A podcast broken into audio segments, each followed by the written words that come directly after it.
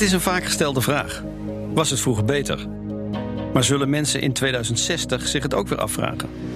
Auteur Hanna Bergvoets schreef op verzoek van het FD een vijfdelige fictieserie over de toekomst.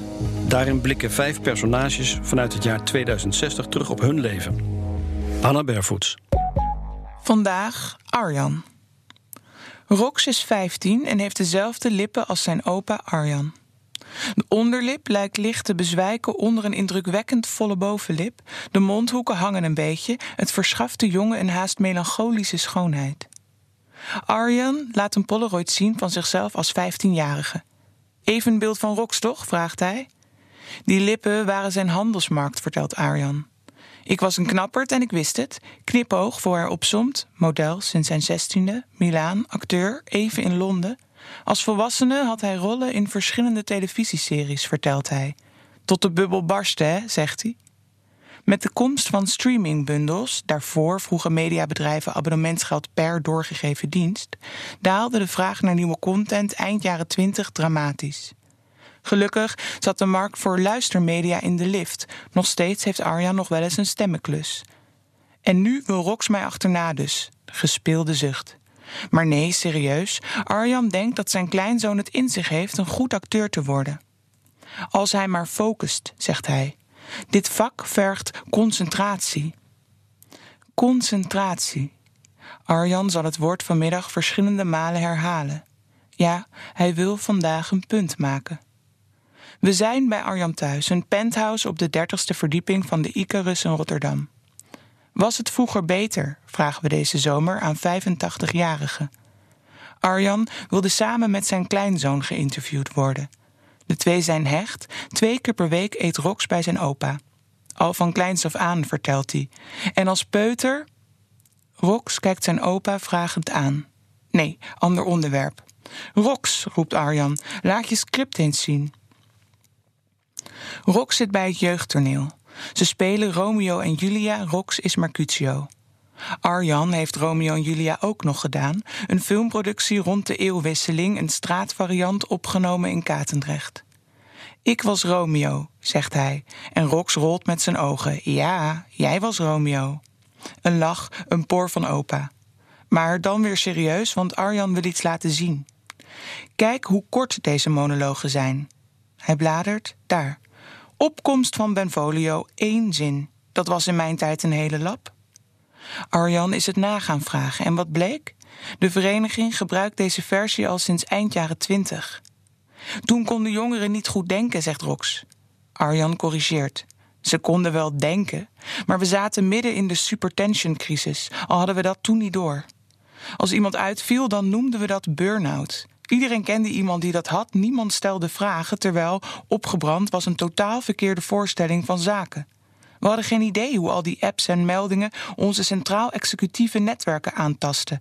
We lazen berichten op het moment dat ze binnenkwamen, mails openden we op straat, in de metro speelden we spelletjes op onze telefoon, dezelfde apparaten hè, waarop onze bankzaken binnenkwamen. Waanzin. Maar grepen we in? vraagt Arjan. Nee, we verkorten scripts voor tieners die geen lappen tekst meer konden hebben. Rox knikt. Hij kent het verhaal. Zelf heeft hij alleen een Sony RVR voor spelletjes en een telefoon die hij uitsluitend gebruikt om te bellen. Zo hebben we hem opgevoed, zegt Arjan. Wie zijn we? Ik, zegt hij vlug, en zijn moeder natuurlijk. In 2036 sloot hij zich aan bij de Europese tak van Pro Paperwork, vertelt Arjan. Maar de overheid bleef haar diensten uitsluitend digitaal aanbieden, burgerloketten bleven gesloten. Dat terwijl de schadelijke effecten van DBI, ook wel Deterioration by Information, steeds evidenter werden. Ik vond het belangrijk, zegt Arjen, om mijn stem te laten horen. Ook vanwege mama, toch? Rock zegt het zacht. Arjan knikt bijna onmerkbaar voor hij verder gaat. Bedrijven, zegt hij, wisten aanvankelijk niet hoe schadelijk hun software was. Maar op een gegeven moment moeten ze het wel geweten hebben. Het is de vraag wanneer, en dat is waar al die rechtszaken om draaiden. Arjen vertelt over de collectieve zaken die vanaf 2040 tegen overheid en bedrijven werden aangespannen. 2040 was ook het jaar waarin de WHO supertension ten gevolge van DBI officieel als gevaar voor de volksgezondheid aanmerkte. Mensen die soms jarenlang hadden thuisgezeten wilden nu een schadevergoeding. Geen idee eigenlijk, zegt Arjen, wat er van die zaken terechtgekomen is. Want toen kwamen de quantumhacks. Na de eerste grootschalige kwantumkraak lagen de overheidsdocumenten van tientallen landen op straat. Arjen lacht. Dat weerhield niemand ervan zijn eigen devices te gebruiken, joh. De vierde quantumhack maakte meer indruk, ook op hem. Ik zag het in mijn nieuwsfeed op mijn backtop. Een woedende vrouw, ze was nauwelijks te verstaan. Het is 2042 en ransomcollectief Maya maakt miljoenen nors openbaar. NORS stond voor Notes of Reasonable Suspicion. Dossiers die bedrijven destijds bijhielden over gebruikers van spraakdiensten die hun zelflerende devices verdachte informatie toevertrouwden. Jullie moeten bedenken, zegt Arjan, in die tijd voerden mensen hele gesprekken met hun online assistants. Ze ervoeren die programma's als volwaardige gesprekspartners die hun geheimen zouden bewaren. Die vrouw in mijn feed had haar assistent verteld dat ze haar man wel zou willen vermoorden, zoiets. Vast onzin, maar de fabrikant maakte nors aan. Transcripten van haar meest persoonlijke gesprekken werden openbaar. Maya deelde die gegevens als pressiemiddel, zou later blijken. Een waarschuwing voor waar ze toe in staat zouden zijn. Pas daarna, zegt Arjan, kwam de echte omslag. Mensen deden hun devices in de ban. De markt in stieltelefoontjes zonder internetverbinding floreerde. Nou ja, zegt hij, jullie kennen het verhaal. Sommige klasgenootjes komen plots weer met ouderwetse smartphones naar school, vertelt Roxdan. Compleet met apps en chatfuncties zoals in de jaren dertig. Vinden ze stoer of zo, zegt Rox. Arjen knikt. Zoals wij roken vroeger stoer vonden. Het is een moedwillig saboteren van je eigen functioneren. Spreekt Rox zijn klasgenoten daarop aan?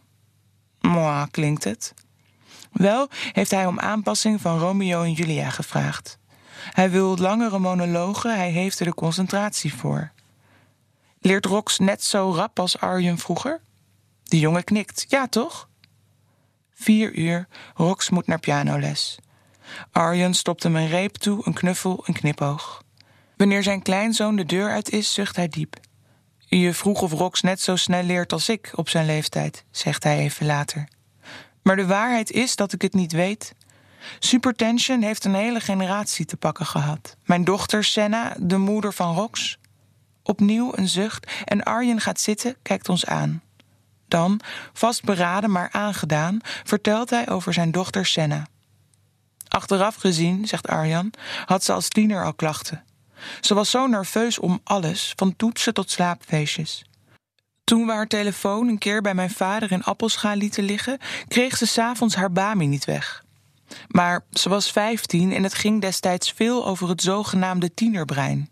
Wij dachten, dat zal het wel zijn. Maar op kamers raakte ze teruggetrokken. Haar bijbaantje als zaalsuppost moest ze opzeggen. Alles vermoeide haar. Een angststoornis, zei de artsen toen. De diagnose supertension kwam jaren later pas. Senna's netwerken waren van jongs af aan overvraagd. Toen, zegt Arjen, kwam de waarom-vraag. Men wist nog niet veel over de polygenetische risicofactoren voor supertension en het voelde toch of wij als ouders hadden gefaald. Senna was zwanger toen ze eindelijk aan de beurt was voor behandeling. Arjen schudt zijn hoofd. Mijn ex-vrouw vond dat ik Senna meer moest vertrouwen met Rox. Maar ik zag ze spelen met blokjes en die figuurtjes die je in de juiste vormpjes moet stoppen. Rox probeerde een kruisje in een rond gat te proppen en Senna griste dat kruisje uit zijn handen en stopte het in het juiste gat. Ze had het geduld niet hem zelf te laten ontdekken. Arjen vertelt hoe hij zijn kleinzoon zelf in huis nam dat eerste jaar. Weet Rox dat? Arjen had zijn schouders op. Ik heb het nooit verteld. Maar Rox zag als kind dat er iets mis zat. Opletten, mama, zei hij vaak. Dan plots een tevreden knik.